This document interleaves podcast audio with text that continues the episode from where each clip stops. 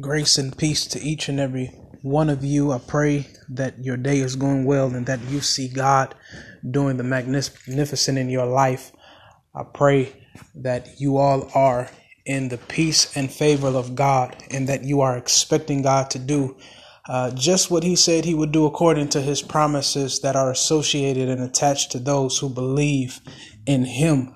I hope all is well. It's been a while since I've been uh, logging on and uh, I'm just uh, excited about what's going on in my life and what God has in store for me. And I'm praying the same thing for you that you will begin uh, to just trust God and that you would live a life according to what you are expecting God to do in your life. That if you are in need of healing, I know a God that is able to heal. If you are in need of God to provide, I know Him to be a provider. If you are in need of God to do exceedingly abundantly above all you can ask or think of, according to the power that where I just know that if you begin to work the work of God, that He will show Himself. And that's the life of a believer that we are called to live a life of believing and trusting God that we have to learn how to live according to God's word and every promise that that that that God has put in his holy word. And when we begin to li- live his word out and begin to live according to the spirit, what does that mean? See, we we live in the flesh and the flesh se- seems to give heed to the things of the flesh. What do I mean? Greed. Your eyes get greedy. Uh, if you're not careful, you can be a prideful and arrogant person. If if you're not careful, you can give in to lust and temptations. And this is what the the, the flesh uh, uh wants. This is what the flesh is willing to give itself to. But the reality of it is, Paul tells us in Galatians chapter 5 that there is this conflict between the flesh and the spirit. And that if order for you to not be under the law, you have to be led under, led by the, the, the spirit. And the spirit calls for us to love. This love that Paul is talking about is not the love that you would have for a brother or a sister or a family member. No, he's not talking about the erotic love that one would have for a significant, uh, intimate partner. No, he's talking about agape love. And agape love is making the choice, making the decision to love people on purpose. He says you have to learn how to love people intentionally. And in this lifetime, if you're not careful, you will find yourself attempting to love people based upon what they can do for you. But that's not what Paul is talking about. Paul, Paul is saying, no, regardless of what somebody can do to you, do for you, and to you have to make the decision to love people where they are, and you have to love them in spite of their flaws and in spite of their circumstance. You have to learn how to love people whether they are uh, above or what we what we deem as uh, above and what humans deem as beneath. You have to learn how to love people whether they uh, created the floor or they sweep the floor. You have to learn people whether they can read or, or not read. You have to learn how to love God, love God's people because this is what God loves uh, uh, did for us. He loved us unconditionally, and His Word says we we did not choose to love God. God chose to love us first. So anytime you read of the love of agape, making the decision to love, you have to understand that God never tells us to do something or he never makes requirements of us to do something that he was not willing to do for himself.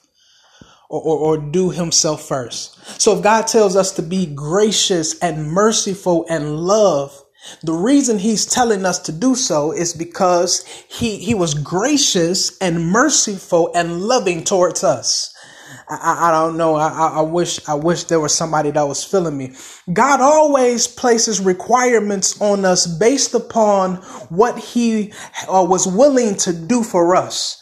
So He tells us to love our neighbors or love our neighbors as we love ourselves. He tells us to love because God first loved us. you don't believe me. God kept you and, and God uh, uh, have his hand on your life and God has provided for you and in times of trouble and darkness, God was there for you. Yes, you had some dark days and dark moments and some lonely nights and some tears came down your face.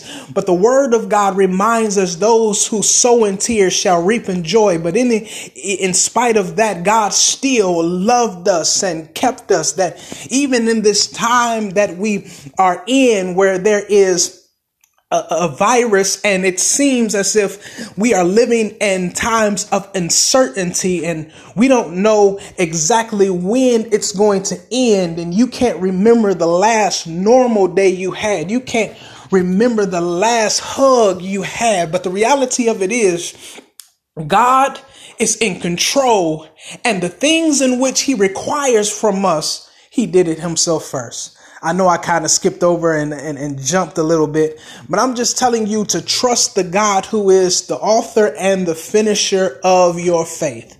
This is in Hebrews chapter 12. Finish God is the author and the finisher of your faith. Look unto God who is able to turn some stuff around. And if you are willing to trust that kind of God, God has a way of making sure those who trust and believe him will see the goodness of the Lord, see his goodness in the land of the living. I don't know who I'm talking to, but God's word is, is, is perfect. God's word is imperishable His word is everlasting. His word never perishes. His word is going to be here when we leave, and it was here before we got here. And the reality of it is, His word keeps us alive. The word says that those, the just shall live from faith to faith. The reality of that is that if you're going to live from faith to faith, you got to search his word and his scripture. The, the scripture says that we can't only just be hearers of the words, but uh, uh, but we have to be doers of the word. We have to do His word. We have to trust that He can uh, move mountains. We got to trust that our words have the ability to command authority and dominion in the land. We have to know without a shadow of a doubt that if we speak to certain things, they will uh, be rebuked, and we speak to certain things, and it will be moved out of the way. And if we speak with the authority, we can walk into a better lifestyle and we can walk into healing and we can walk through breakthroughs and, and the sick will rise. We have to learn how to speak with the authority of God so that we can get what God has for his chosen people in the earth. I, I don't know. Somebody needs to be, to be rejoicing and happy and glad and shouting right there because your word, your next is in your word. So if you have the accuracy of God's word in your spirit, Spirit, you can speak to things and doors will open up. You can speak and people will begin to understand that you are a child of God and that there are some things on earth that God is going to loose because you are his choice servant. Anybody in here? Go in love, go in life. And know that God has his hand on you.